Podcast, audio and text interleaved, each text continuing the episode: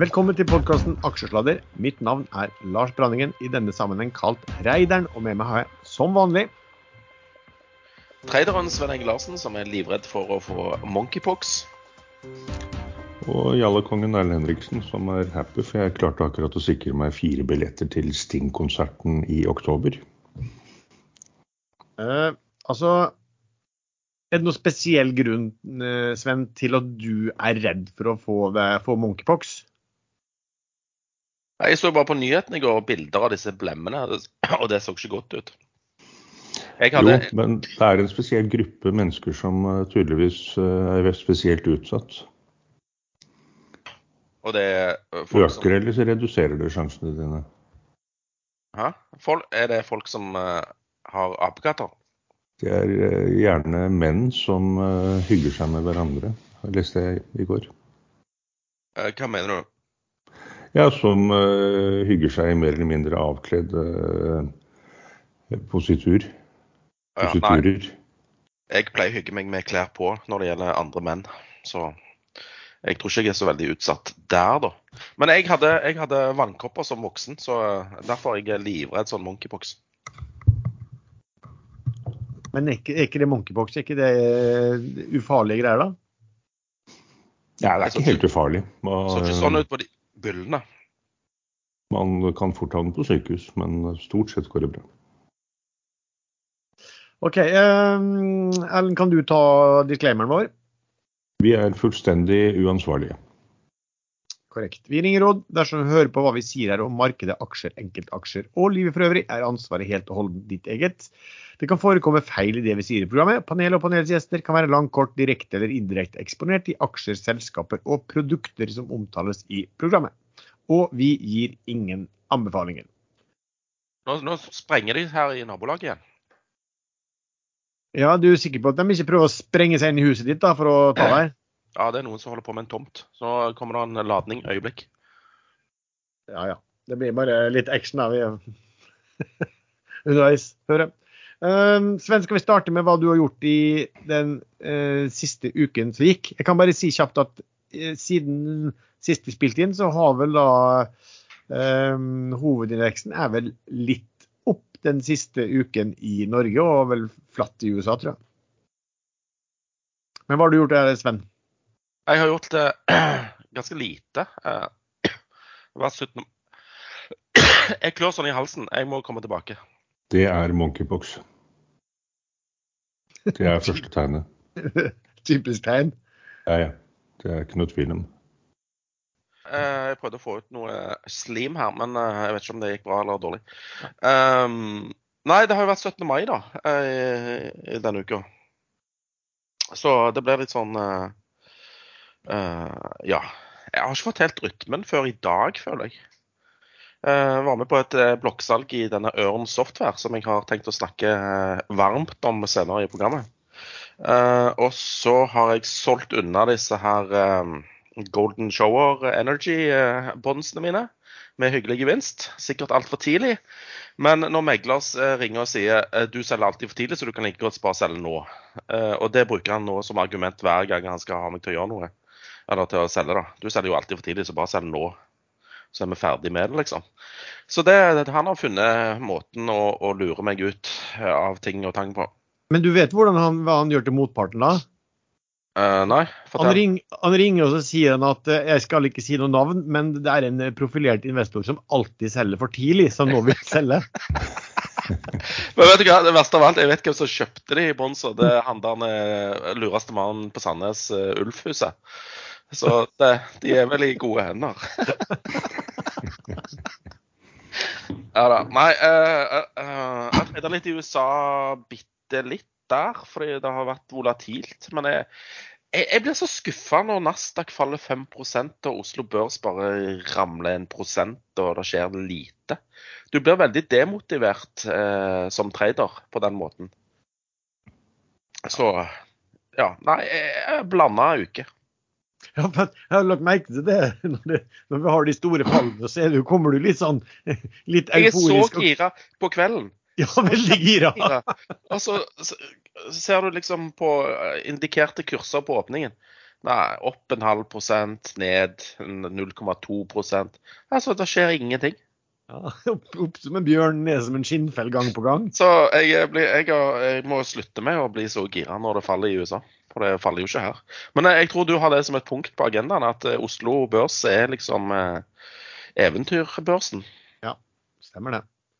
Men uh, ja, noe annet enn det du nevnte som du har gjort noe spesielt i? Jeg har ikke vært med på denne supply-euforien. Bortsett fra at jeg har solgt Golden Shower-båndene mine. Um, så har jeg vært Jo, jeg solgte jo den der uh, Den gikk jo som ei kule, den der som jeg snakket om sist uke. Den Tidewater. Fra 20 til 26. Bang, smakk. Jeg solgte jo på 22-tallet og var kjempehappy. Så det var story of my life. Selger alltid for tidlig. Ja. Said the billionaire. Ja. Jeg er ikke helt der nå. Men, men jeg skal ikke klage. Du er på vei. Eh, Erlend, hva har du gjort? Jeg har faktisk eh, gjort litt nå. Begynt å jobbe igjen. Jeg er tilbake fra en uh, tidagers tur til Florida hvor jeg bare hadde Doff i porteføljen. Kjøpte på 1,23 før jeg dro, og hver eneste dag så steg den ganske voldsomt. Og han jeg reiste sammen med, han sa hver eneste dag eh, selv, selv alt. Eh, og det gjorde jeg ikke. Og den kurven gikk helt til 4,865 i går. Foregårs det kanskje. Nei, det var i går. Nei, det var i forgårs. Uh, og da, jeg, da, hadde jeg lagt meg på 4,92 på forhånd, for det var akkurat uh, 300% opp fra inngangen. Og det er litt sånn idioti å gjøre, egentlig, for da blir man litt låst på et tall som man ikke burde tenke på i det hele tatt. Eh, så den stoppa på 486,5, og det var 5,5 øre fra der vi lå på salg, med en drøy tredjedel. Eh, og så var jeg ikke helt eh, til stede, dette var jo dagen etter 17. mai, var litt fram og tilbake og sov litt og sånn. Og plutselig så var den nede på tretallet, og så tenkte jeg da venter jeg litt til til den går opp på firetallet igjen. Men den havna på 2,61 eh, den dagen og åpnet neste dag på, på 1,80. Så jeg kom meg ut på 1,88, og det er jo fremdeles uh, Skal vi se 1,88 delt på 1,23. Det er jo 53% opp. Man kan ikke klage, men eh, det er et stykke mellom 53% opp og 300% opp, nesten. Men sånn er livet. Ja, altså det der er jo sånt som skjer. Og, og, og mange, jeg ser jo mange kommentere når, når, man selv gjør sånn og andre gjør sånn, at man, man har bomma, man har gjort en tabbe og sånn. Men altså, man kan jo faktisk ikke vite hva som skjer i et marked eh, dagen etterpå de, de nærmeste timene. Nei, man kan ikke det. Og, men det er klart man har så høy gevinst, så hvor mange gevinstsikre. Men det ble jo jeg fortalt hver eneste dag med 10% og 40% og 30 opp uh, på ferien. Hadde jeg da solgt på første eller andre eller tredje anbefaling, så hadde jeg fremdeles solgt lavere enn der jeg solgte i går. Så det er jo litt av min teknikk, at jeg selger fort når det går feil vei. Eh, når jeg, når jeg ligger i minus fra egen inngang. Eh, men eh, så lenge jeg ligger i pluss fra egen inngang, så kan jeg godt sitte både 20 og 30 og 50% ned. Så lenge jeg fremdeles er i pluss. Og det har lønt seg gang på gang. Det er nok oftere det ikke lønner seg enn at det lønner seg, men det blir så veldig mye penger av det når det går bra. Der var kaffetrakteren igjen. Den vil gjerne være med. Den er liksom Nei, å, nå er det podkast. Nå må vi skru oss på eller av eller gjøre et eller annet som vi får hederlig omtale. Men, Snart eh, snakker den nå. Hæ? Snart snakker den også. Ja. ja. Men nå er den ferdig. Eh, så nå ligger kursen litt under der vi solgte, og den var ganske mye under. Hadde jeg ikke solgt på 1,88, så hadde det, det var vel nesten 20% ned under der den var i, etter at jeg solgte. Så alt i alt happy med den. Og så har jeg da tatt tilbake, eller tatt tilbake Jeg hadde en stund siden jeg hadde Onko, Onko Peptides. Eh, men de hadde en presentasjon eh, i går. Nå husker jeg ikke helt hvor de holdt, avholdt den. men eh, den var faktisk veldig positiv. De kommer med noe data Det er en sånn mellomavgjørelse som skal tas allerede 6.6, og så er det en ny 23.6. Og så regner de med godkjenning, håper på i hvert fall, godkjenning av det produktet som de trakk tilbake i USA i kvartal tre. Eh, og de har hatt mye mer samtaler med FDA i USA enn markedet har vært klar over. Så den presentasjonen ble tatt ganske godt imot, og da stakk kursen opp fra lavt 8-tall i går til 9,50 faktisk, og nå ligger den på rundt 9 blank. Det virker som at de som har solgt, de som ønsket å selge, har solgt seg ut. Det er nesten ikke selgere. Det er ikke veldig stor omsetning i dag, men eh, den aksjen er jo sånn som kan gå 20 30 og 50 på en dag. Så en liten gnist, en liten uh, avisartikkel, uh, kanskje et innsidekjøp derifra. De har ikke stilleperiode akkurat nå. Så stikker den. Men det er jo ikke noe bankers. Den kan jo falle ned igjen nå. Og det er jo ikke sikkert at de får godkjent preparatet, selv om de er veldig positive. Men uh, bare for å bryte inn, hvor, mye, hvor mange prosent kjente du i den Doff-traden? 53% Ja, og annualisert så blir det Å ja, ikke sant. Ja, det, det, var en toukerstred. Det blir, det blir en del mer enn en 50 det, det, x prosent. Så ja. uh, Så hadde jeg allerede tjent uh, ca. 70 på den. Ja, ja, ja. Det er ikke det jeg vil fram til. Men la du merke til at jeg kjefta ikke på deg denne gangen, og jeg sa du måtte selge noen gang på veien opp. Jeg har, jeg har alltid liksom Du eh, sendt sånn melding til deg jeg ville vurdert å selge nå, men det gjorde ikke denne gangen. Nei, det gjorde ikke det. Eh, men du skulle gjort det på 4,80 i forgårs. Ja, men jeg følte at du hadde kontrollen. Jeg hadde jo det, helt til jeg ikke hadde det lenger. Men jeg hadde jo kontroll, for jeg var jo i godt pluss. Så det var en eh, strategi som denne gangen ikke slo helt til. Men Erlend, har ikke du sånn, litt sånn strategi Jeg tror du nevnte før om at du du har litt lært deg til at, at, at du, du, har ofte solgt for tidlig, som veldig mange av oss, men så har du funnet at nei, det, det, er bedre å sitte over toppen og være med litt ned igjen. Nå ble det kanskje litt mye, da, men at over tid så fordi det det er jo ingen som treffer. altså Treffer man bunner og treffer man topper, så er det jo bare flaks. Ja, ja, eh, men, du, men, du, virker å ha litt strategi på det at, at, du heller blir sittende litt lenger, og så får den heller falle litt tilbake igjen? da, før du... Jo, så jeg fulgte strategien, men den falt jo så voldsomt tilbake. Ja. Uh, så jeg, jeg, burde nok ha solgt da den vippa under 3,50. Eh, da, da, var jeg fremdeles veldig godt i pluss. Men, men, det du gjorde feil, var å sitte over tallene? Ja, det var jeg faktisk ikke klar over før ganske sent. Jeg tror det var etter close dagen før, hvor du nevnte det med tall i morgen hvor jeg skrev at jeg valgte å sitte over. Så der hadde jeg sovet litt i timen. Men uh, det var jo ikke noe grunn til at det skulle bli dårlig tall i Doffin i Q1. Uh, der var det jo en valutagevinst. Men Doff var veldig flink til å presisere at den valutagevinsten i Q1 den kommer de til å miste i kvartal to. Uh, så mitt inntrykk er at Doff egentlig gjør så godt de kan for å snakke ned tallene. Kanskje for å komme i en bedre posisjon. Ja, ja. Ikke bare, ikke bare det, de klarte jo å si at egenkapitalen er tapt. Den er verdt null. Ja, altså aksjen er verdt, ikke verdt noe. Ikke sant? Ikke sant. Så, det var jo derfor den startet. Den sluttet jo på 2,61 dagen før tallene og startet på 1,80 dagen etter.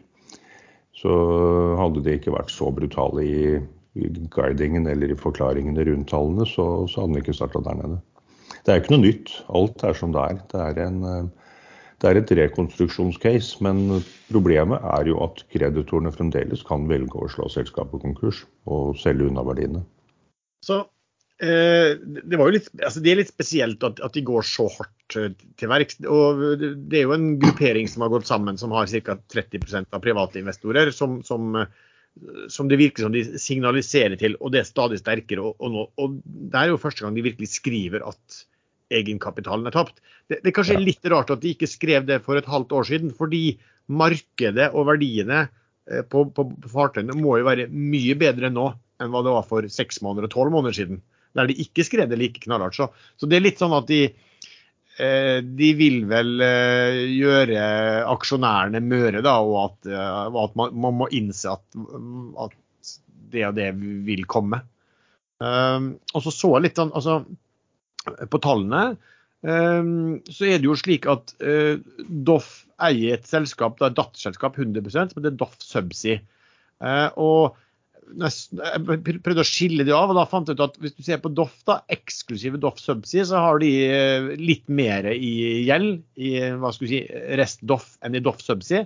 Men inntjeningen er 70% av inntjeningen på EBITDA ligger jo i da Doff Subsea.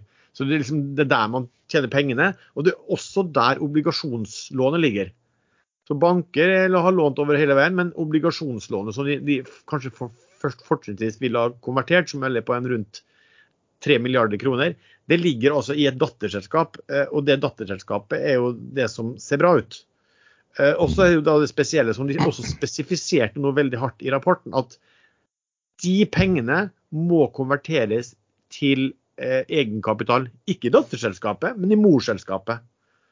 Eh, og da er jo litt sånn spørsmålet OK, hvis du, sånn, Sven, hvis du satt som, som obligasjonseier i Doff Subsea, var du veldig keen på å få aksjer i, eh, i morselskapet. Eh? Da skal du ha mye igjen for det, for det er jo mye mer bedre å sitte som långiver i, i, i, i Doff Subsea. da. Ja, og det er vel kanskje det som er en liten utfordring her. I, i, og at denne her eh, eh, diskusjonen med banker og långivere tar så lang tid. Det er veldig komplekst eh, selskapsoppbygging her. Ja, og det enda bedre verre blir det jo at Doff Subsea eier jo 50 sånn joint ventures av jeg husker ikke hva det heter, Norskan eller et eller annet sånt, også borti Brasil, som faktisk eh, som også tjener gode penger. da. Så det er liksom ulike selskap med ulike långivere nedover i konsernstrukturen som gjør det veldig ulikt eh, resultatmessig. Det åpner vel også, det øker vel også risikoen for at kreditorene faktisk velger å enkleste motstandsvei og ta selskapet til skipsretten? Nei, altså det er jo det du kanskje ikke trenger å gjøre. Jeg er litt usikker på hvordan de panter det. Men du kan jo tenke det sånn at långiverne til Doff Subsea, som slett ikke ser så greit ut, sier bare at OK, vi, vi, vi tiltrer hvis de har pant i aksjer f.eks. Vi tar aksjene. Selskapet er vårt. Ikke sant? Eh, så vil, da vil du jo ha et selskap som, som, som, fortsetter der, og som har sine fartøy og har sine kontrakter, mens de kan la resten av Doff ja, bare klare seg selv. Um, det, det, høres veldig sånn nærliggende ut å tenke sånn, men det er så, så, så spesielt her. Og, og, strukturene er så vanskelig, og jeg har ikke innsyn i det om, om, det er mulig. Men det er klart, hvis du satt der med, med, med pant i aksjen og, og, og, du kunne si at uh, ja, nå, nå, nå, nå tar vi Doff Subsea, farvel. Så um, hvis det var så enkelt, så kanskje de hadde gjort det allerede. Eller kanskje ikke. Så uh, nå er det vel sånn at uh, de har en sånn standstill med, um, med långiverne, som betyr at de ikke skal gjøre noen ting. Hva skulle de tiltre noe pant eller gjøre som helst. Det utløper vel da Var det ut, ut mai de hadde? Ut mai. Så standstillen er alltid ut samme måned. Så mitt case har hele tiden vært en underliggende frykt for at kreditorene faktisk velger å, å konke selskapet. Men eh, da 1.6, eh, hvis det kommer ny melding om forlenget standstill, så, så er det relativt risikofritt eh, ut hele juni også. Mm. Og da kan det fort bli en ny trade på meg. Men jeg, jeg har ennå ikke sittet over en måneds sluttdato i Doff siden jeg begynte å trade den.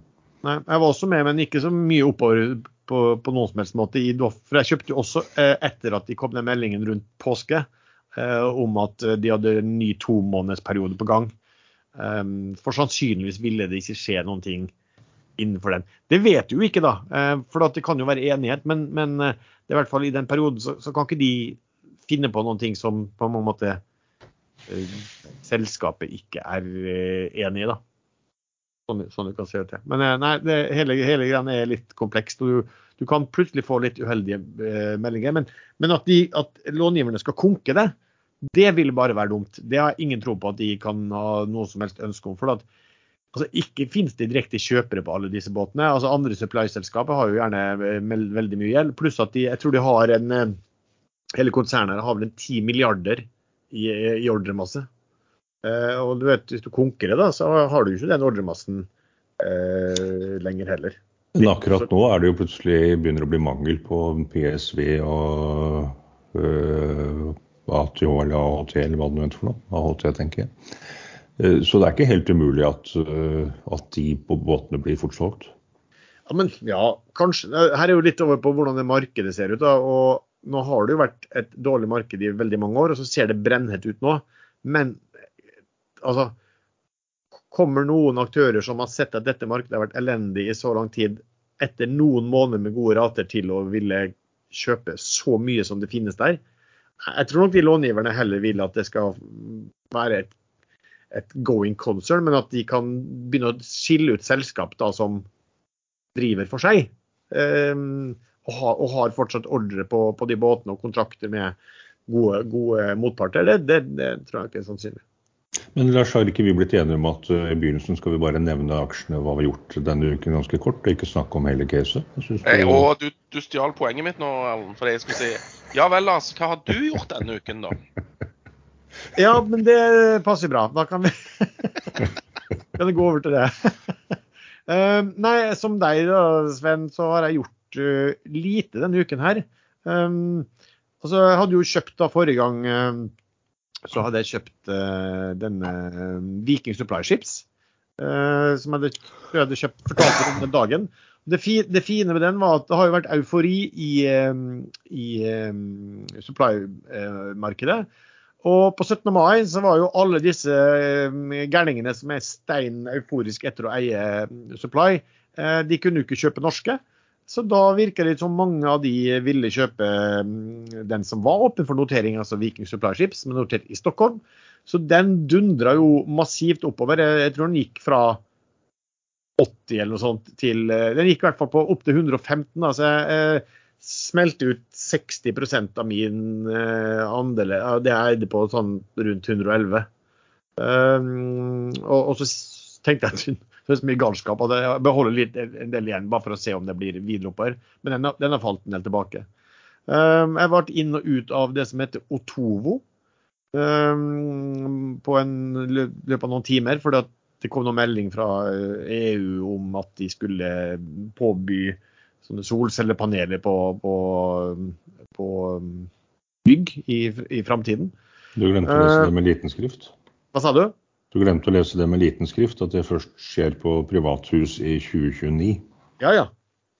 Men det er jo ingenting. fordi at eh, Jeg så også at eh, det var jo først dagen etterpå det at eh, Sparebank1 skrev at det var veldig positivt for Otova. Jeg kjenner, jeg kjenner ikke til det engang. Jeg bare tenkte at OK, det er helt sikkert mye bedre enn hva det var før. Um, så da gikk jeg inn og, og treida med, rett og slett. Da. Så har jeg kjøpt uh, Jeg ser jeg har kjøpt uh, Hafnia. har jeg kjøpt mer av. Det er vel sånn ukens selskap i Finansavisen i morgen. Jeg eier ganske mye der fra før. Det begynner vel å bli kanskje min største posisjon. Uh, kjøpt litt Shelf Drilling i løpet av uken. Og så har jeg kjøpt Havyard i dag. Da. Kan jeg nevne litt senere. Men, men har du gjort noe med Geggen? Nei. Nei, det glemte jeg å si. Jeg solgte 90% av den rundt fire blank. Ja, for den hoppa Fordi han kom med tall i dag, og der nevner de ingenting om den loyen. jo da, gjør du det? Gjorde de det? Gjorde de ja, ja. ja, ja. Men de kom ikke med noe nytt? Nei, de skriver Nei. at den eh, pågår. Ja, OK. Så jeg vurderer å ta den tilbake igjen nå. Men, uh... Men uh, historikken i Geng på å nevne oh. fantastiske loyer som aldri slår til, den er jo ganske voldsom, da. Ja, nei, uff. Ikke si det engang. Er monkeypox all over again. Ja. Nei, men det, det, er jeg enig i. Kanskje poenget her er at Seabird, for de som ikke husker det. Ja. Hvis det slår til, så har du veldig stor oppside. Så det er en litt sånn uh, vurdering. Jeg, jeg så Nordne på den kom med noen sånn kjøpsanbefaling nå, økte kursmål hadde 5,5. Og der hadde de 50 sjanse for at den dealen blir av, og 50 sjanse for at den ikke blir av. Og da blir det emisjon på lavere nivåer. Det hørtes litt teit ut. Det er akkurat som å si at det er 50 sjanse for å vinne første premien i Lotto. Enten, ja, så gjør du det, enten så gjør du det, eller så gjør du det ikke. Ikke sant. Det er det jeg tenker hver lørdag. Sånn er det. Uh, men det er greit å ha en liten vekting på det, så det var jo, ingenting at den, den, vurderingen er vel ja, god, god, som noen, kanskje. Um, har vi hatt noen Har det vært noen nedsalg eller emisjoner eller Ja, det var et nedsalg, det vil du kanskje snakke om senere, eller vil du snakke om det nå, Sven? Nå er jeg blank. Hvor var det nedsalg, henne? Sa ikke du at du hadde vært med i noen ting i Øren? Ja, men det, det, er bare en sånn intrablokk. Altså, det er en selger som er sikkert gjort seg ferdig. Ok.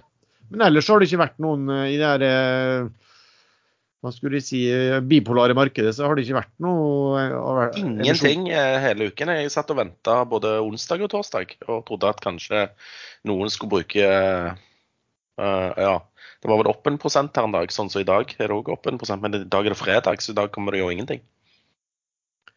Nei, de det er vel litt om svingningene også, men det har jo egentlig vært ganske bra, eh, bra uke. Men jeg registrerer at denne ASA, Atlantic Sapphire, den sklir og sklir hele tiden. Selv om sjefen var ute og sa at dette er good shit. Men uh, der er det jo et looming kapitalbehov, selv om de fikk igjen eh, 280 mill. på forsikringen i, i Danmark, så trenger de fortsatt 300-400 millioner kroner til for å bygge ferdig den fase 2-fabrikken sin. Så de fikk faktisk utbetalt eh, 280 mil i Danmark? Ja. Jeg vet ikke om må var... jeg legger legge meg litt flat, for jeg sa en gang at eh, de ender ikke opp med å få en krone fordi det er noe tilskudd og de pengene blir i Danmark, sa jeg. Så da tok jeg jo helt feil. Nei, og de fikk òg lov å uh, Altså, det står ingenting om eh, Eller det kreves ikke at de bruker de pengene i Danmark, de kan bruke de hvor som helst. Så selskapet har sagt de skal bruke de i USA, som er fair enough. Fair enough. Men jeg var jo akkurat i Florida og snakket med litt forskjellige mennesker i forskjellige posisjoner, og ingen hadde hørt om ASA og norsk laks i Florida. Og alle sa hva, norsk laks i Florida? Det, det høres ikke bra ut, sa de. Men det er vel ikke, det er vel ikke labela som norsk laks? Nei, det, det er jo derfor de har det i USA. Det er en som USA-laks. Men de selger det jo inn som norsk, vil jeg tro, da, sånn i markedet. Men i, i hvilke posisjoner var du når du snakket med disse folkene? Nei, det var alt fra uh, mine venner som er relativt oppegående, som en som bor der borte, og uh, folk i business. Uh, Ja, men du, du sa du snakket med folk i forskjellige posisjoner, så bare lurte på Ja. hvilken posisjon var du i når du snakket med dem? Var det reverse co-girl, eller hvordan Du var jo i USA, tross alt. øh, det var øh, 68, vet du hva det er? Nei, ja, det er én mindre enn 69. Ja, men hvorfor 68? Nei, jeg har ikke peiling. You give me one and I owe you one. det var veldig morsomt der borte. Det er ikke sikkert den er like morsom i en podkast.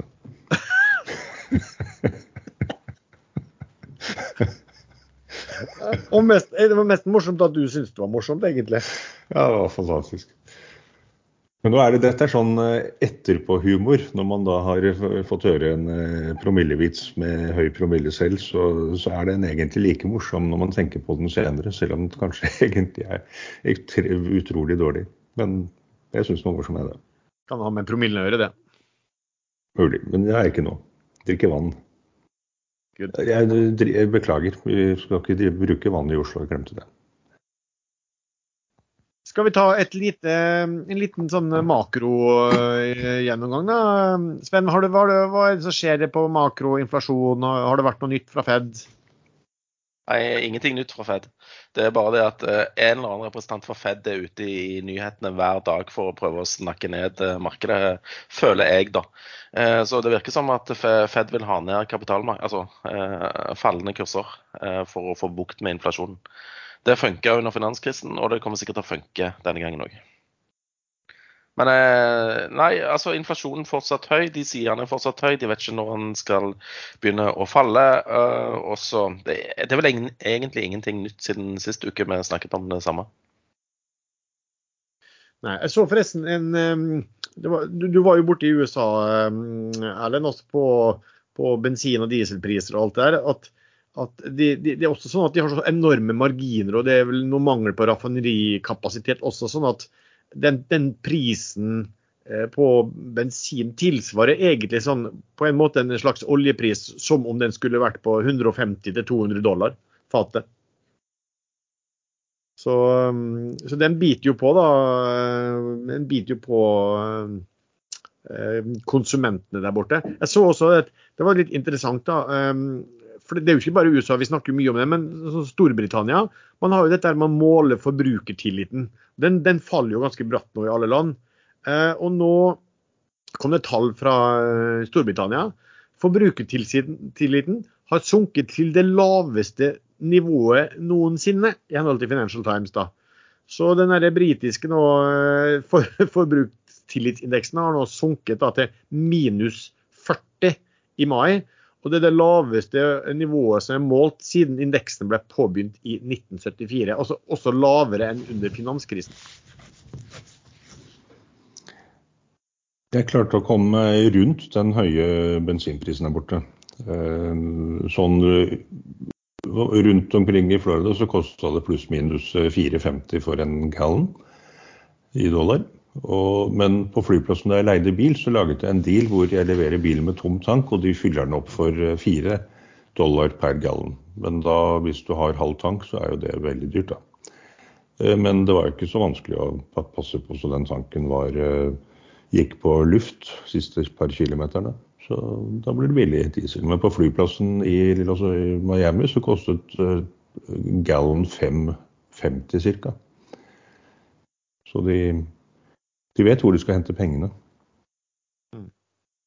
Og da blir det jo ja, ja, det er jo ikke så lett å få ned inflasjonen hvis den fortsetter å, å bare øke. Jeg vet ikke i hvilken grad det har slått, slått gjennom i tall nå. Men klart, bensin er jo bare en del, en del av det. da. Jeg så han eh, godeste mm, Ringholm eh, han er aktiv på Twitter. Han sender dessverre ikke disse morgenrapportene lenger i og med at han har skifta jobb.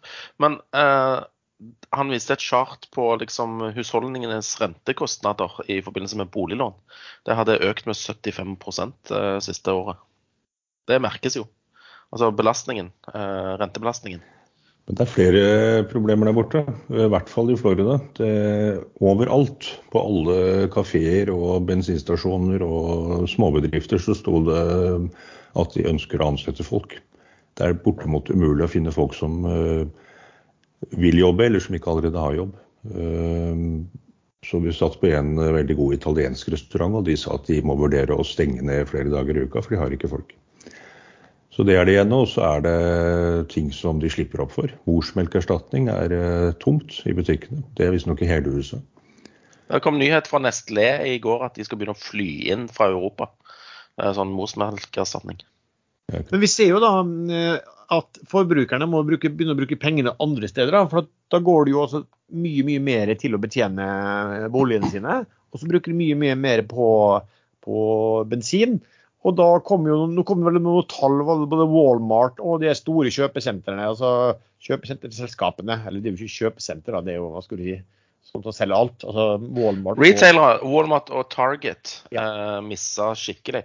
Og, og, det de skylder på Ja, folk kommer og kjøper mat sånn som vanlig, men de kjøper ikke de eh, høymarginvarene som vi faktisk tjener penger på. Eh, så de er blitt mye mer selektive i butikken. De kjøper det de trenger, men så også lar de det som de ikke trenger, eh, vente. Og det er jo et problem for sånne eh, kjeder. Ja, men tror du det, men er ikke det at da kan du begynne å tenke det at Eh, marginskvis der er, betyr marginskvis for ganske mange andre selskaper også? Ja, det henger jo sammen. Altså, Forbrukerne er blitt mer eh, selektive og oppmerksomme på hvor mye penger de har til, til bruk på ting og tang. Og når eh, lånekostnader og energikostnader, altså bensin og, og strøm og sånn, går opp, så er det jo mindre igjen da, til, til eh, Consumer discretionary er vel det kalles den varegruppen. Sånn sett, sånn sett, så høres det jo nesten litt sånn spesielt ut at man er i den situasjonen nå. og det er vel I USA også så faller vel den der consumer confidence ganske bratt. Samtidig som de sliter med å få eh, å, ha, å finne ansatte. da. Ja, jeg syns det er helt merkelig. Men eh, så har du jo hatt covid, da. Og da har det jo dødd en del mennesker som sikkert var yrkesaktive. Så jeg vet ikke om det faktisk er en faktor. Det er en faktor, men den største faktoren er kanskje at veldig mange har førtidspensjonert seg. Vi møtte faktisk flere par på, på vei, satt på restaurant og hva driver du med? Nei, vi har pensjonert oss. Men, Folk i 40-45-årsalderen. Har de tjent så mye penger på finansmarkedene og krypto eh, at de har bare Nei, ikke de vi møtte. Det var litt tilfeldig. De hadde solgt bedriften sin og, eller sluttet i en godt betalt jobb og hadde nok med penger. Så så ikke noe grunn til å jobbe nå, egentlig. Det var mange av dem. Men jeg skulle tro at uh, Ja. Men, men, hvor Altså. Det her er jo litt sånn interessant, da. For i forhold til aksjemarkedet også, klarer man en, å få ned inflasjonen og få en sånn soft landing på økonomien? Eller ender det med en resesjon? Eh, og nå så jeg at eh, det var litt interessant, for at han, han eh, styrelederen i Goldman Sachs, som heter, han Blankfein, han var på hva heter det, Face Nation på TV og sa at det var en svært, svært stor sjanse for resesjon, og det burde befolkningen og bedrifter bare planlegge etter. Men samtidig så var jo Goldman Sachs sånn offisielt altså på analysesiden ute og sa at de trodde på en softlanding. Da. De trodde det var 35% sjanser for resesjon og 65 av sjanse for, for uh, at det ble en softlanding, og at markedet da kom til å være høyere ved slutten av året enn hva det var nå. Så det virker som de var litt, litt uh, uenige med hverandre. Men Hvordan vil det påvirke dette hvis det sprer seg det med da morsmelkerstatning som er tomt? og Det er jo disruptions i hele produksjon- og transportkjeden i hele verden. Hvis det blir flere og flere produkter som rett og slett ikke er mulig å skaffe, eller lange leveringstider, hvordan vil det påvirke en eventuell resesjon, eller motsatt? Nei, lang leveringstid er jo ikke bra for aktiviteten i, eh, i økonomien, sånn sett. Og heller ikke for, pris, heller ikke for pris, prisbildet, selvfølgelig. heller. Men kan man begynne å amme, da? Er ikke det et alternativ? Ja, det er faktisk i mange delstater I USA har det vært mye reklame for morsmelkerstatning, så veldig mange mødre øh, og det er jo kombinert med at de ikke har barselpermisjon på samme måte som oss. Eh, de har jo faktisk brukt det fra, fra Grythyl, eller kun brukt det. Så, så det kjører ammekurs nå. Men, men, i alle fall så ser det ut som eh, amerikanske sentralbanker nå er ganske bastante på at de skal ha ned inflasjon, og markedet får bare klare seg selv eh, inntil videre. Men her er jo da Fed ute i pressen eh, ene etter den andre fra hele toppetasjen der og kommer med uttalelser i den retningen. Eh, jeg tenker det er ganske bevisst. Det er jo ikke, de er jo ikke bare løse kanoner på dekk alle sammen. Dette er jo noe de har avtalt, at nå skal vi gå ut og pumpe markedet med info om hva som kommer til å komme, for å forberede markedet på det. Så ikke dette plutselig man ikke våkner opp eh, etter fire uker og får en eh, Fed-uttalelse som overrasker markedet kraftig. Er det en logikk i det? Ja, fordi at eh, Nå så jeg at Hvordan var det der at eh, hvis markedet faller 10, 10 fall i aksjemarkedet, om det slo 1% på BNP-veksten eller et eller annet sånt. Sånn at de har nok sett at én ting er å få, å få øke renta, men, men hvis, eh, hvis, de kan få hjelp da, for det de vil ha ned, de vil ha ned etterspørselen. ikke sant? Og Det gjør de ved å øke renten. Og den andre måten er jo da hvis kapitalmarkedet faller, da føler jo folk seg mindre rike. Eh, og er, og er jo mindre rike, ikke sant. Og, så, og, da bruker de mindre penger også. Eh, så får du hjelp på den måten der, og at de kanskje ikke trenger å øke renten fullt så mye. da. Så det er en litt sånn balansegang der, sannsynligvis. Men, eh, men, men hva tror du, Sven? Tror du, tror du det ender med en det som defineres som en resesjon, altså to kvartaler med negativt fall i løpet av perioden nå, eller ikke? Eller klarer de seg? Jeg tror Fed har funnet ut at eh, vi trenger en resesjon for å komme oss ut av problemet. og så Da blir det en resesjon, og så går det helt fint. Ja, Men hva skjer da? Hva, men hvordan vil det skje? Hva skjer da i aksjemarkedet, tror du? Eh, nei, da, da, faller jo aksjekursene. Og så kjøper vi billige aksjer, og så blir vi rike. Når er aksjene billige? Etter 30 eh, fall? Eller Nei, det er når ingen, vil ha, når ingen vil ha de lenger. Da er de billige. Akkurat. Men det skal man faktisk følge litt med på. Det gjelder enkeltaksjer og det gjelder på markedet. Når, eh, når det plutselig blir veldig høyt volum etter en voldsom nedgang, da betyr det at det er eh, en del tvangssalg kombinert med kjøpsvilje. Og da hender det ofte at det snur opp. Men når du snakker om tvangssalg, så kan det virke som man har vært litt i uh, disse Oslo Vest-aksjene. Sånn Nykode og Endur og den gjengen der. Der har du veldig mange kompiser som har hatt de samme aksjene, uh, som har da plutselig begynt å slite litt. Det var vel Middelborg Invest som var i avisen her, og det ble påpekt at de har redusert bredt i porteføljen sin. Og det gjelder ikke bare de, tipper jeg. Altså Hvis du sitter med en del andre ting altså det, det er nesten sånn Hvis du ikke har uh, det du ikke har som er uh, oljerelatert eller shippingrelatert, har jo vært veldig dårlig, stort sett. Laks da har jo vært bra, selvfølgelig. Men, uh, men hvis du sitter på mye Ikke ASA. Altså ikke Atlantic Nei. Salmon. Nei. Atlantic Sapphire er det vel egentlig det heter. Det heter det. Men, men, det vi snakker om her, er også er jo da som er et sånt tema sånn, Vi er jo lykkelandet på Oslo Børs.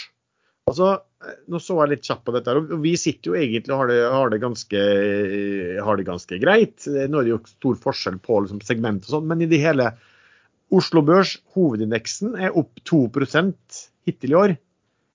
Så kan vi jo sammenligne da, vi er opp 2% men smerten andre steder er jo stor. Nasdaqen er 27% hittil i år.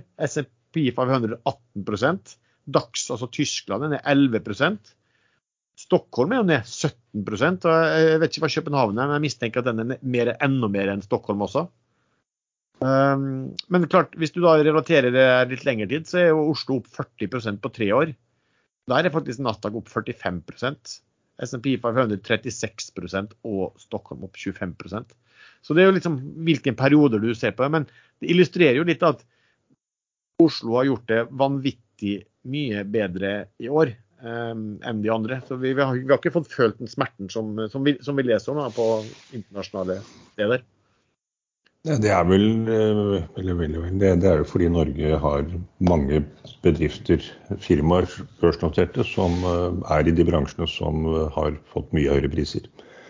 Gass, olje, laks, treprodukter. Vi selger vel stort sett bare råvarer fra våre skoger, men akkurat det vet jeg ikke lenger hva vi gjør. Men vi er godt posisjonert til å profitere på krisen i resten av verden. Ja, men uh, og, og, og, ting ser jo Jeg så på mm, oljeprisen er vel nå rundt 110 dollar. og den jeg så på den øh, rett før Russland invaderte. Den hadde jo steget ganske pent da også, og jeg var på faktisk rundt 90 dollar da også. Så den har gått opp ytterligere 20 dollar da, siden, siden det skjedde. Men det var vel fordi det lå veldig i kortene at Russland brygget opp til krig. Og hadde allerede, Det var jo en del disruption i oljetilførsel allerede, særlig gass kanskje, til Europa før, uh, før krigen. Så dette har jo Putin planlagt lenge. Ja da, men det er riktig. Men oljeprisen var på oppadgående, ganske fin oppadgående trend eh, før, før, det her også. Eh, spørsmålet er bare hva, hva liksom som skjer. Altså, det er jo interessant å se at OPEC klarer jo ikke i det hele tatt å levere det, de volumene som de skulle gjøre. Så når de gikk, skulle gå tilbake igjen og øke så og så mye, var det 400 000 fat per måned eller sånt for å komme tilbake til normalitet, det har du ikke klart i det hele tatt. Klart eller ikke villet. Det virker som du ikke klarer det, rett og slett.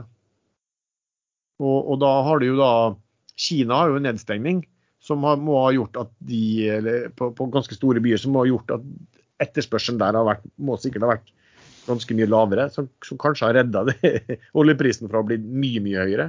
Eh, jeg vet ikke. Men nå ser det ut som at de har begynt å få kontroll i Shanghai. Der er det få nye tilfeller, og de begynner så smått å åpne opp.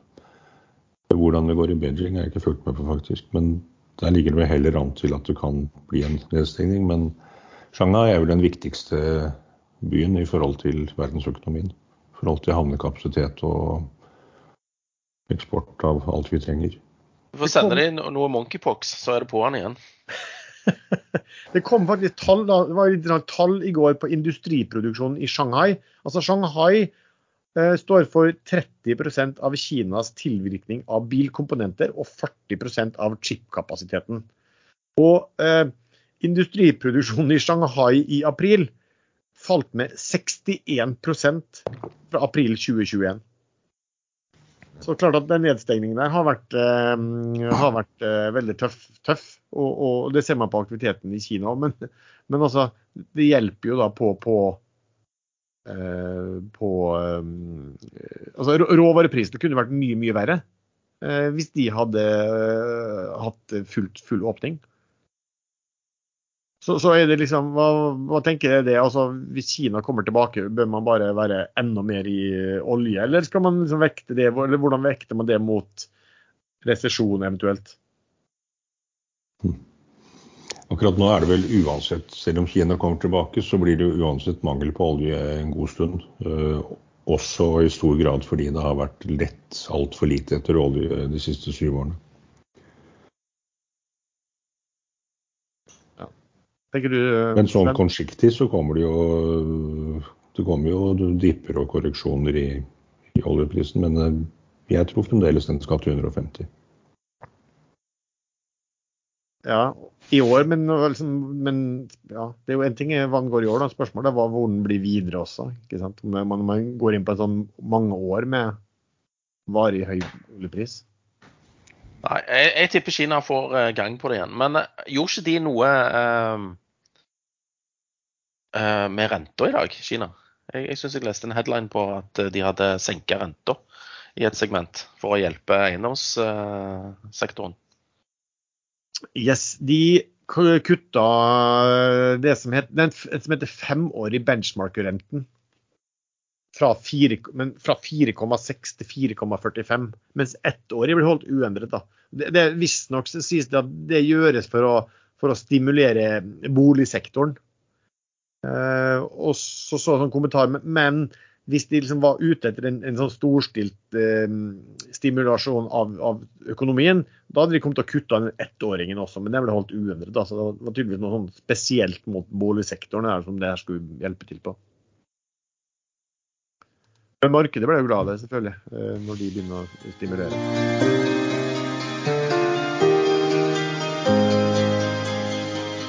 Dette er en melding fra vår hovedsponsor Skilling, som er en skandinavisk eid CFD-megler.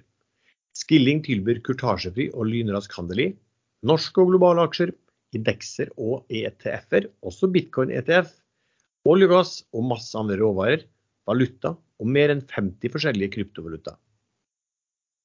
Skilling har en rekke forskjellige handelsplattformer og trading-apper. Skilling-trader, Metatrader og C-trader. Snart vil du også kunne handle med TradingView sin plattform via Skilling. Du åpner konto med bank-ID, og du kan da handle på alle plattformene fra samme konto. Alt kan handles med eller uten giring, long eller short, til meget lave kostnader.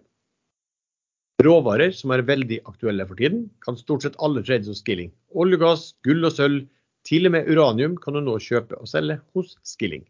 Med bare en halv dollar i spredd på bitcoin er Skilling sannsynligvis også den desidert billigste kryptomegleren på markedet. Videre kan du trade i stadig flere norske og globale aksjer og indekser. Som sagt, kurtasjefri handel i nærmest alt av finansielle instrumenter til veldig konkurransedyktige priser. Skilling av kundeservice på norsk og industriens laveste kostnader på kryptohandel. Sjekk ut skilling.no om du ikke allerede har gjort det, og åpne Skilling-konto med bank-ID. Risikoadvarsel. 66 av ikke-profesjonelle kunder taper.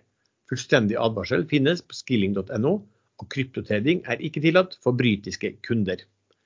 Og Lenken til Skilling finner du i beskrivelsen til denne episoden.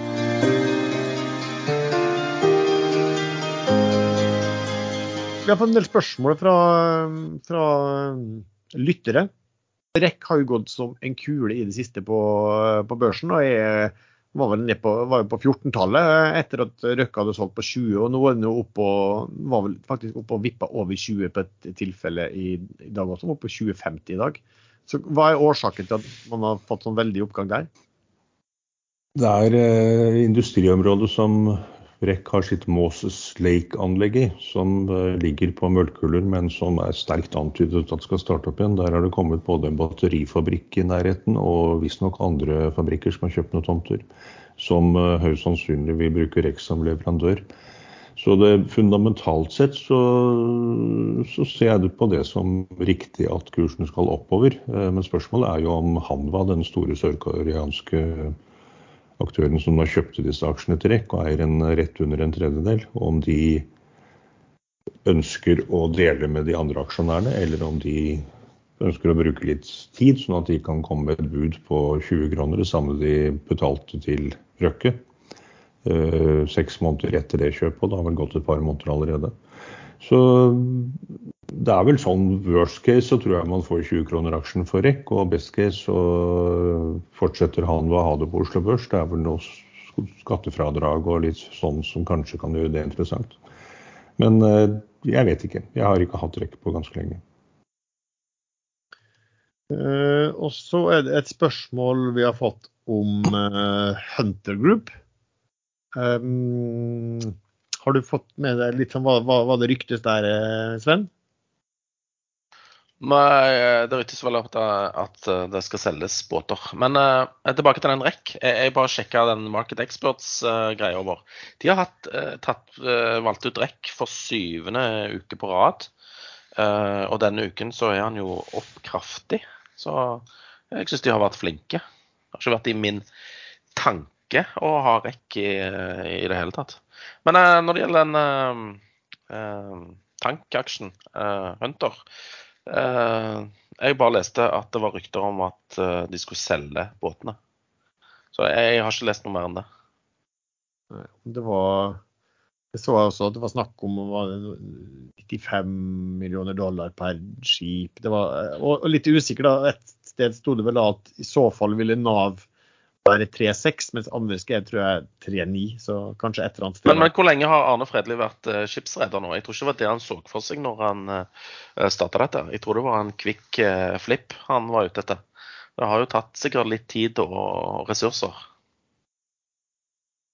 Ja, nå har jo folk satt inn folk der, da, men jeg, det, jeg er enig. Jeg tviler vel på at det var, var den store, store, planen. At han skulle bli sittende så lenge. og at Det var vel snakk også om at det var aktører, altså industrielle, som ikke var så interessert i å kjøpe uh, skipene fra en ren finansiell. fordi at det, bare oppmuntret til at flere kunne gjøre det samme i framtiden, på en måte. Og da risikere at du fikk for mye eller for stor flåtevekst. Da. Men så disiplinerte og samordnet er vel ikke de aktørene som kjøper sånne båter? Nei, jeg, jeg vet ikke hvor, hvor, hvor stor det er. Det var kanskje snakk om Fredriksen der da, i den, i den sammenheng. Om det er riktig, ikke sant? Det, det er lett at folk sier noe. Um, så har vi fått spørsmål her om uh, hvis CM Offshore og Viking Supply Ships fusjoneres, til hvilken kurs vil det være? Nei, si det. Det er jo spørsmålet, det. Det er vel ingen som vet om de blir, eller til hvilken kurs. Kan godt være at man tar utgangspunkt i Nav, men det har vi vel gjentatt her en del ganger at Nav er ganske subjektiv i disse supply-selskapene. Så um, det vel ikke uten videre gitt at de to aktørene tar utgangspunkt i det. Men ellers er det veldig interessant at Sveås uh, kjøpte seg han eier jo da 34% av, uh, eller ja, rundt 30 kjøpte han seg opp i, av, i CM Offshore. Og så eier han jo da både 80-90% av Viking Supply Ships. Men han kjøpte seg jo opp da i, som vi vel nevnte, i denne Solstad Offshore og flagget kjøp. Jeg tror nok mange, mange, trodde at han hadde kjøpt alle de aksjene eh, den dagen. Men de skrev at de, har kjøpt aksjer eh, og, og, kommet over 5 Når, når jeg begynte å se på, på aksjonærlisten og hva som har skjedd der så det, Mye kan nok tyde på at det er han som har ligget bak eh, en, en, en, post som lå på SE-banken, nummer 9. Eh, og da, som begynte å, å kjøpe i, eh, i slutten av januar.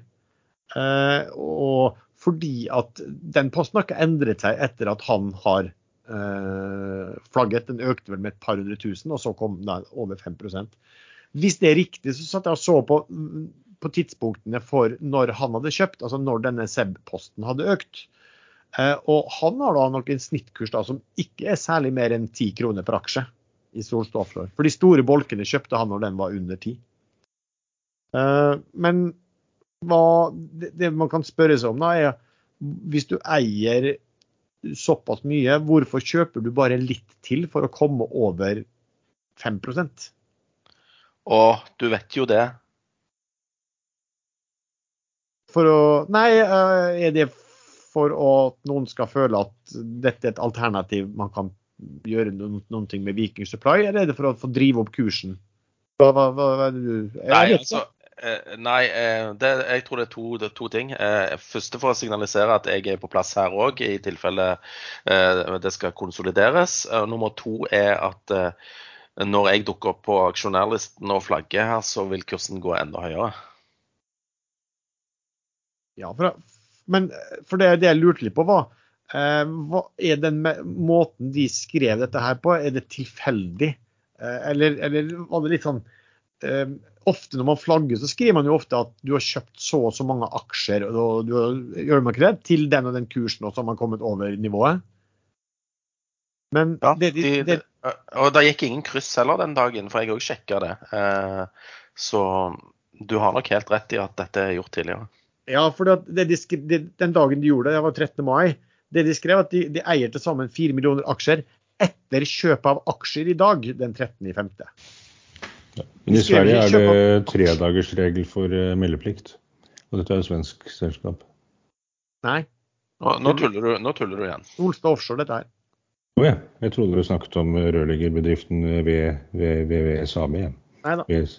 Ja, men eh, jeg, må bare tilbake til, til, til noe fra sist uke. Så liksom sa jeg jeg heier på Soff. Det var når vi liksom tenkte på hvor mye Eller fant ut hvor mye avkastning du hadde i Doff, som var 90 og Soff lå litt over. Så spurte jeg eh, Lars hvem han heide på. Og så sa han jo da han heide på Viking. Og så klarte jeg, tenkte jeg på det etterpå. Faen, den skulle jeg liksom hatt på tape. At han heide på Viking.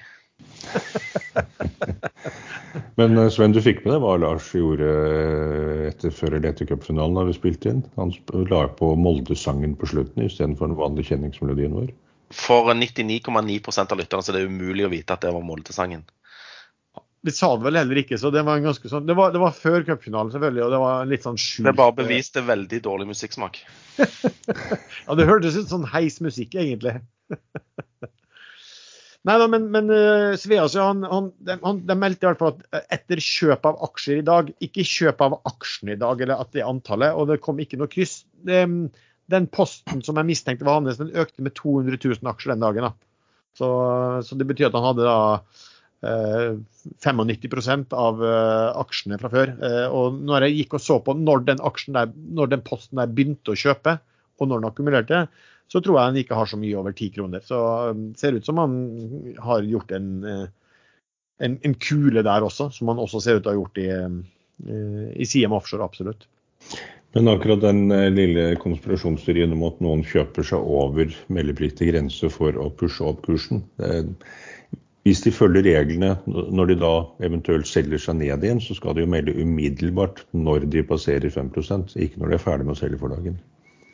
Så det, det, har jo egentlig motsatt effekt med en gang du kommer opp dit. Ja, altså nå, nå mener jeg at når han gjorde dette her, så var den på 20-tallet et sted. Og den gikk til 40. Um, det var ja, en... det var en fredag. Det var ikke det forrige fredag? Jo, det var den 13., så det var en fredag den 13. Det stemmer. Ja, ja fredag 13. Jeg sa jo det. Jeg, jeg kunne kjøpt den på 28 eller noe. Uh, nei, under 30 i hvert fall. Og så bare gikk han 36 eller 37. Eller gikk han til 39? Samme det. det jeg, jeg, satt der og tenkte nei, eh, jeg tror ikke han skal opp så mye. Riktig. For den var faktisk ned den dagen den, helt, helt til den meldingen kom. Nei, jeg er enig. Jeg kjøper litt det der du sier, eh, Erlend, om at, om at, du må jo flagge så fort nedover igjen også. Men, men samtidig da, har jo da kursen steget eh, ja, Jeg husker ikke helt hva den var nå, men den steg jo nesten 50 i, i etterkant uh, av, av, det der. Uh, og så bare litt sånn rart at du at du velger, Det er jo på en måte noe du viser fram også. Når du, når du, velger, når du eier ganske mye og du er tett oppunder 5% og så velger du å kjøpe de siste på mye mye høyere kurs enn hva du har kjøpt sjøl tidligere, og kommer over 5 så, så, vi får vel se da hvordan det er. Eh, og det er vel noen som vil ha noen sammenslåinger i, i den 5 eh, er jo også grensen for å kunne innkalle til generalforsamling, eller kreve at det blir innkalt til generalforsamling. Ja, men det, det, det, er jo Aker som har en stor eierandel eh, i det selskapet der. da. Og Jeg husker ikke hvor mye de eier nå. Eier de 30% eller noe sånt? Ja, 25% eier de, og så eier da DNB eh, ca. 12 som de har sittet stille med. Og så kommer Sveas da og 5% Det var jo interessant var jo at, at, eh, Jon Fredriksen eide jo ganske mye der. Han eide vel en 12 eh, han også av det selskapet der, og han solgte ut alt nå var vel det, var det rett før nyttår, det, og da var kursen Han solgte ut rundt mellom 4 og 5 kroner, han. Så han solgte, eller kanskje de siste var rundt 4,50, da, så sier kanskje han har snittkurs 5 da, på det han, han solgte ut. Så han har gått glipp av penger, han også. Sånt kan skje. Stemmer det. Det var den gangen han hadde eh, bindingstid, eller lockup, eh, men lånte aksjer og shortet med de lånte aksjene og dekket inn med aksjene han hadde lockup på. Det riktig, det. Så apropos det at uh, man kan bomme selv, de som er veldig suksessfylte, kan altså bomme av og til i case på, på utganger der. Det er klart Den har gått åtte-ni-gangeren uh, på ikke så veldig mange måneder siden det. så er jo det litt Men Nå var vel ikke den posten så veldig mange promille av hans totale kapital?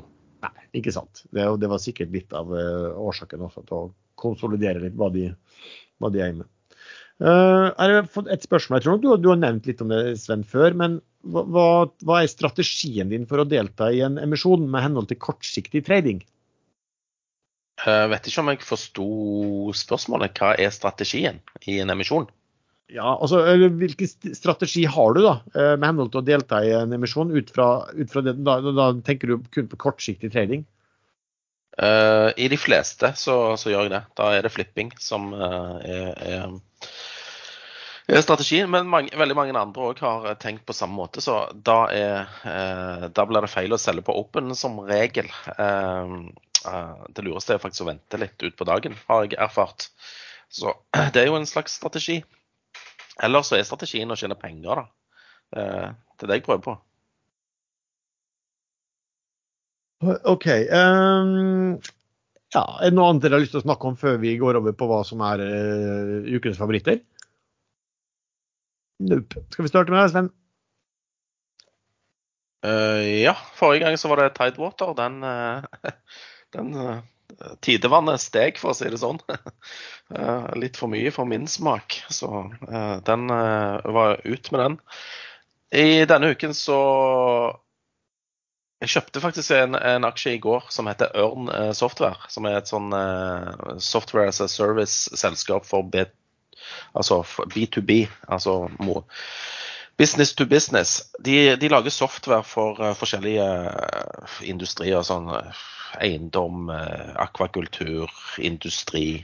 Altså industriell software og eiendomssoftware og all slags sånn software. Fordi at jeg fikk et notat fra Pareto-megleren min, fra analytiker, som sa at han trodde på gode tall fra Ørn Software i første kvartal 22. De tallene kom i dag og viste en formidabel vekst. Eh, og analytikere fra Pareto kom eh, etter tallene og sa at fantastiske tall, mye bedre enn det sjøl han hadde lagt inn i modellen sin, og så for seg eh, cashflow positiv yield på 7,5% eller noe sånt for 2022. Eh, og Target-prisen 10,5 aksjen var i 3. Eh, 30 Eller slutta på 3,21 i går. Jeg kjøpte 30 000 aksjer på rundt 3,17, tror jeg, eh, og beholdt de over til i dag. Og så fikk jeg snusen i at noen gjorde eh, en blokk der. Det har vært en stor selger som, eh, som har tynga kursen. Kursen har ja, har vært drit, for å si det, si det mildt. Eh, kommer fra rundt 12-13 kroner eh, på det høyeste og gikk ned til rundt 3 blank på det laveste. Uh, litt opp i dag fordi at jeg var med på en blokk hos ABG som ble gjort på 3,5 etter tallene. Og der tror jeg vi fikk tatt ut den store selgeren som har ligget og tynga kursen. Så har jo òg ABG dekning på dette her, eh, og sier etter tallene at dette er det beste SAS-småselskapet små, som de har i sitt univers. Eh, Target 11 og både ABG og Pareto kom til å, å øke estimater framover.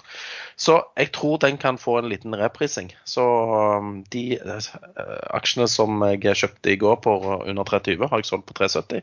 Men de 150 000 aksjene som jeg har kjøpt i dag, de har jeg tenkt å beholde en stund. Og jeg ser for meg at jeg kanskje kan få fem kroner på, på kort sikt.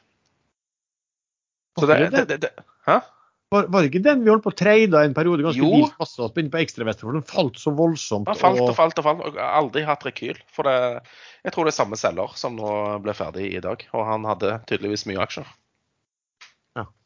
Så ja. Men det er sånn som Erlend òg sier. Når du plutselig får masse volum, eh, så kan du være nær en bunn. Eh, og i dag har det vært veldig mye volum pga. denne blokken. da. Vi se her hvor mye som har gått i dag. Det er litt over 3 millioner aksjer. 3 millioner 85 000 aksjer. Og normalt sett så er det sånn 50 Ja, det var en del dager med rundt et par hundre tusen aksjer. Så at det i dag går 3 millioner, det kan tyde på at bunnen eh, kortsiktig er satt. Spennende. Er det noe annet enn den du har liksom, Ja, jeg har kjøpt aksjer i, i et utskjelt eh, OTC-selskap som heter MyBank på 28. Da var en selger der i går. Aksjen er billig, tredje litt under bok. God inntjening. Men det forrige styret i den banken har fått så god medieomtale i DN siste uken at det er godt gjort. Men jeg håper at de som er satt inn, er, er, ikke er så løse som de som var før. Men absolutt noe jeg ikke anbefaler folk å kjøpe. Det er high risk, men jeg, jeg tror kanskje hvis det, ting ordner seg, så, så, går det fint med den òg. Nei, ellers jeg er jo veldig forsiktig fortsatt. Jeg tror jo fortsatt vi har en litt nedgang i, i vente rundt forbi. Hva har du å se på, um, Erlend? Jeg kan jo kanskje begynne med å si det samme som Sven sa helt på slutten, at jeg er veldig forsiktig. For uh, det er mange aksjer jeg ser på nå som er interessante, men hvis det kommer en bred nedgang, så vil de bli tatt av raset. Det ene er jo denne Desert Control. De har nå faktisk begynt å selge produktet sitt over disk nede i Emiratene. Uh, så der kan det skje mye. Uh, og de har ikke noen konkurrenter og vil ikke ha det på noen år heller. Eh, det er de som har sånn lager jord av sand på seks timer. Nano, nanoleire? Ja, nanoleire det er faktisk et godt uh, uttrykk. De, men det er så tyntflytende at det trenger godt ned i sanden uh, umiddelbart. Og så kan de så plante seks-syv timer etterpå. Og det funker. Så veldig interessant. Det, det, er både for å kunne plante der hvor det er eh, sandholdig jord, eller sand, ørkenområde, men også for å stoppe ørkenspredning. Så det, det er liksom dobbel effekt i dette. Um, og så begynner denne E-labs uh, å bli interessant. Det er de som har en software-løsning på noe som andre har en hardware-løsning på. Så, og Samsung uh, Nei, Lenovo. Eh, de er jo veldig store på små computere og godt kjent merkenavn. De putter dette nå inn i flere og flere produkter. Men eh, E-labs, det er tikkeren. Eh, Ecliptic Laboratory, et eller annet heter de. Ligger på 1880, har steget et par prosent i dag, men de, de har jo vært mye høyere. og Før eller siden så tror jeg den stikker opp. Eh, de vil vel kanskje bli litt påvirket av at uh, computerprodusenter ikke klarer å få tak i chipene de skal for å produsere disse computerne. Som, som omsetninger blir litt lavere, men de ligger visstnok uh, i rute til å klare omsetningsmålene sine. Så interessant selskap. Jeg skal følge litt mer med på den. Men ellers er det jo Onkopeptides. da, De hadde jo da denne Capital Markets Dayen i Sverige var det vel i går. og veldig fremoverlent eh, CEO, så kursen stakk jo opp en 10-12 eh, i går på etter, etter konferansen, eh, eller etter presentasjonen. Og det er ofte et bedre tegn enn at den stikker opp før presentasjonen. Så det var ikke, det var ikke forventninger med dump etterpå, men den steg faktisk på det som ble sagt. Så de har hatt mye, mye tettere kontakt med FDA i USA enn markedet var klar over. og de de melder om stor fremgang i Europa og god informasjon, eller ny informasjon allerede i tidlig juni og i slutten av juni. Så der har jeg tatt en post og tenker å prøve å holde den utover juni. så får vi se. Eller så følger jeg med på Doff, men nå er det 20. mai, 11 dager igjen av standstill-perioden, så da håper jeg egentlig at den eh, faller kraftig fra dagens kurs. Eh, det må være lov. At man kan eventuelt prøve en ny inngang hvis standstill-perioden forlenges enda en måned. Så er vel kanskje QEC, dette canadiske eh, selskapet som produserer litt olje og noe liquids utenfor Quebec, de, de, kan begynne å bli interessante i løpet av sommeren. For det er valg i Canada til høsten. Så da håper jo selvfølgelig aksjonærene på at de konservative vinner valget. Og de som er imot, de som nå har forbudt olje- og gassproduksjon eller fossil industri i Quebec, at de taper, og at dette blir omgjort. Men den, den er langt fram. men Det kan komme litt forventninger i den etter hvert. Men jeg har ikke tatt den ennå. Jeg ser at kursen har så vidt begynt å røre på seg litt oppover. Men eh, jeg tror ikke man har dårlig tid der. Softox de kom med en uh, veldig god melding. Uh, fase 1-resultat. Uh, for så vidt i tråd med forventningene, men det det er, ikke dårlig bare det i et biotekselskap. Så inhaleringsproduktet det fungerer som det skal. Ingen bivirkninger. Eh, og da snakker man ingen, eh, og det dreper alt av bakterier, sopp og virus i lungene på mennesker, har de nå funnet ut. Det vil si, det de sjekker i fase 1, det er jo sikkerhet og toleranse. Så det var vel ikke direkte noen bekreftelse på at de faktisk oppnår resultatene, men men det har de testet ut før på, i griseforsøk, så det regner jeg med som ganske sikkert. Men det, dette er langt fram, og når man er ferdig med fase 1 og skal over i fase 2, så trenger man mye penger. Eh, de har vel antydet at de kommer til å få noe tilskudd og noe støtte og eh, faktisk via uh, militæret i både Norge og USA.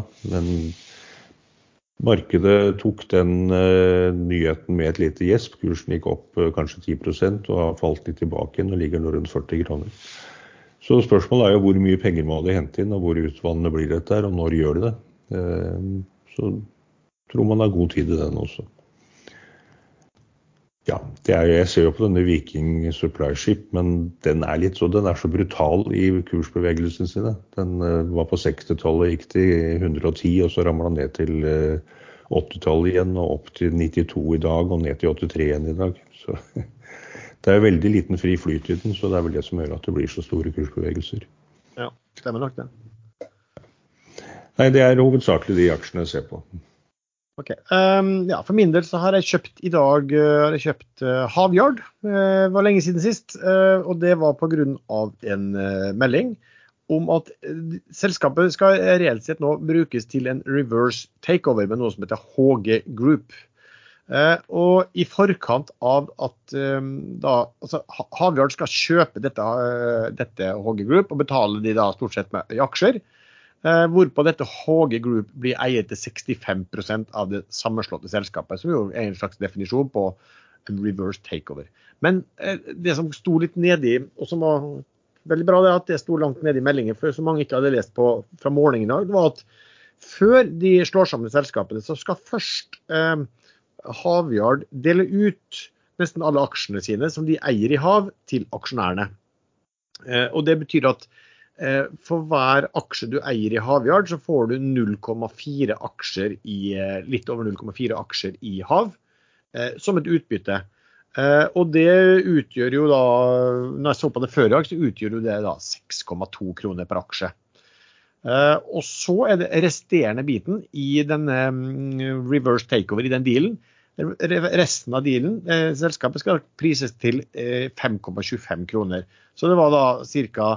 11,45, da, eh, i hvert fall litt før i dag, kan ikke se det siste på Hav, eh, i en slags eh, Nav-prising på Havyard. Og hvis du da får ut 6,2 på det ganske snart, fordi de vil prøve å gjøre ferdig hele transaksjonen allerede ved utgangen av neste måned. Og da, da syns jeg spesielt fra starten av i dag at det, det, så, at det så veldig attraktivt ut. Vi har jo sur surrønneren før. Ellers så har jo dette, denne Astro, um, Astrokast, altså den satellittbiten som var uh, masse rare, altså gjorde en emisjon med, med, bare utlendinger på 29, gikk til godt over 100 og falt ned igjen på 7 der vi begynte å kjøpe, og ned på 6 og 5-tallet også. Ser ut som de har fått en sånn eh, tilbake ser, ser ut som, altså jeg, jeg, har sett av aksjonærlisten at det er en Credit som uh, har vært den som har solgt Eh, kan muligens være tom, men har i hvert fall kommet tilbake igjen også. Det ser ut som så det skulle komme noen news her, og de skal, gjøre en, de skal altså notere dette i Frankrike også. Så eh, mye insentiver for, for å dra opp den kursen. sånn sett, Og det, det gjøres noe på lavt nivå. Den falt jo på lavt nivå dypt, og den går nå opp på lavt nivå også. Så den har steget veldig pent av de siste dagene. Carbon Hvilke er det som står bak det selskapet? Hvem som står bak det? Nei, det er både Han, han er en ganske stor eier, han som, eh, han som er CEO. Og så er det noe som heter Adil Ventures, som ikke tok ganske stor eierandel der. Eh, og den som jeg syns var, var, litt sånn uh, oppsiktsvekkende, det er jo det selskapet til han Peter Thiel, som er en sånn teknologigigant i USA. Uh, hva søren var det de het igjen, da? Palantir tok jo, eh, tegnet seg jo for i emisjonen, er vel en 3-4 det er jo ikke så mye, da, men at, at de var med i emisjonen eh, i det hele tatt eh, på, på 29, et så stort kjent selskap, det, det, det, var litt spesielt. da. Så Jeg vet ikke hva som har skjedd der, siden, siden den kursen har falt så, uh, så voldsomt. Og, og, og, det har liksom ikke vært noen kjøp på de nivåene heller, men nå ser det liksom ut som om det kommer noen inn. Det, det ser nesten litt styrt ut på vei oppover også. Um, kommer stadig vekk noen poster som bare dytter den opp, og den har vel vært i circuit breaker ganske mange ganger i løpet av de siste, uh, siste få dagene. Ellers så er jo da ja, Carbon Transition, som jeg snakket om forrige gang, den har vel fått en rekyl på en rundt uh, 10% Og så kjøpte jeg mer um, Hafnia Tankers i dag, det hadde jeg mye fra før. Uh, og det er litt fordi at de, de, altså produkttankratene er jo ja, de beste noensinne. Uh, og så også at den, den, det altså det selskapet som er sånn ukens selskap i morgendagens eh, Finansavisen, papirutgaven. Der topplederen forteller om at dette ser utrolig bra ut, det er det beste markedet noensinne. Det er, blir neppe store flåteøkninger, fordi det, det, det, er ikke noe kapasitet hos hos verftene å levere det på sikkert en, en, en del år. Og det er vel også meglere som sier at, uh, at du kan uh, tjene inn en tredjedel av hele selskapet i løpet av uh, et års tid. så, ja. så den, den, den synes jeg er spennende og kan sikkert få seg en nytt videre opp også. Jeg er litt irritert på Hafnia etter den emisjonen. Uh, og de store flipperne som da ødela hele opplegget, som gjorde at jeg bare solgte. Fordi at uh, Nå snakker jo alle om Hafnia og at uh, det må shippes diesel og produkter fra andre plasser til Altså, du må hente produktene fra andre plasser enn det du fikk tidligere. Og det vil føre til ekstra lang frakttider. Eller fraktrutene blir lengre. Og det er jo ikke bedre for en sånn type aksje. Nei, og det, det er riktig. Og så syns jeg liksom ikke altså, Du har jo sett at det har vært en vanvittig oppgang i en del av de andre som har blitt eh, veldig populære. Eh, ikke sant, Innenfor container, og det kan være LNG og det kan være i tørrbulk og alt her. Nå har jo den steget pent, da, men, men du har ikke fått den biten der ennå. Og hvis folk begynner å tro at det er noen ting som kan vare ganske lenge, så, så mm, kan jo det bli eh, Ja, hele sektoren har jo fått seg et skikkelig løft. Du har dette Torm i, i, Danmark, og så har du Scorpio i USA og Ardmore òg i USA, eh, som har, har, gjort det veldig Så egentlig så er denne Hafnia en, en lagger, da. Men det er mye pga. den emisjonen.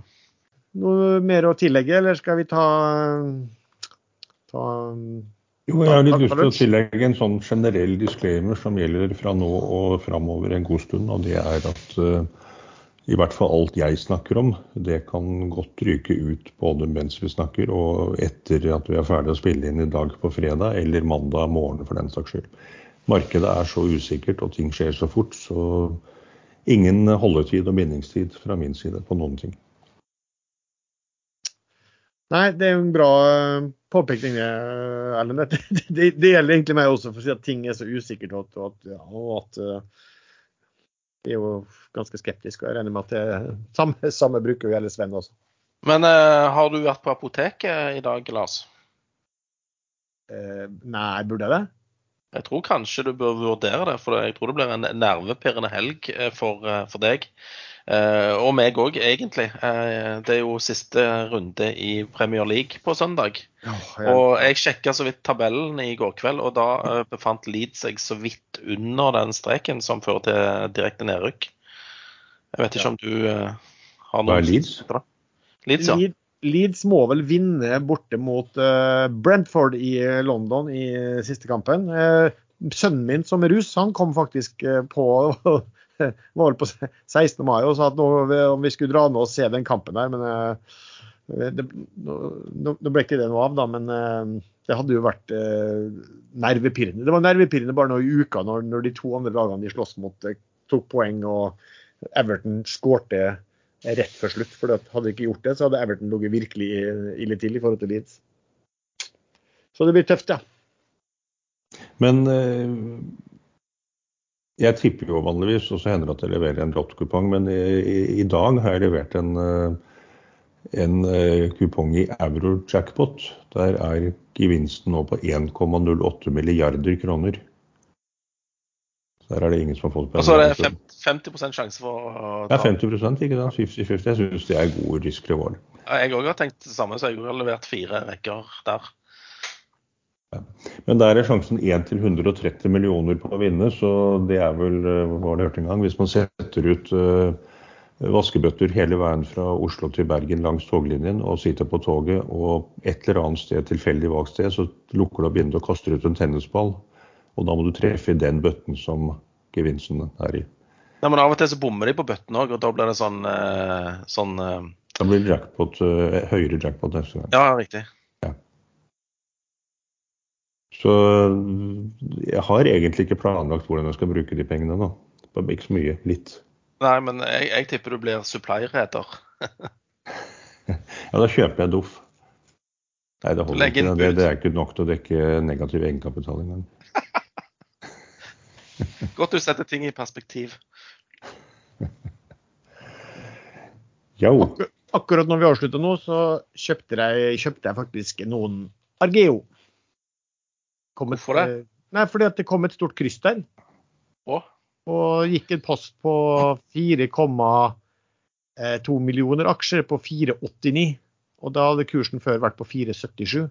Så da tenkte jeg at der er det en, eh, en villig kjøper, kanskje, snarere. Eh, 4,2 det er Men da nå var det ikke mer igjen til meg.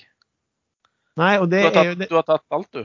Ja, det, er vel Ja, sier Lars, og hør- hørtes ikke lei seg ut engang. Beklager. Det er ingenting. posten der som går, er sånn ca. 10% av selskapet. Så kan det jo være at eh, spørsmålet kanskje ikke om eh, Kanskje det er ja, Kistefoss som har forsynt seg, f.eks. Kan det være?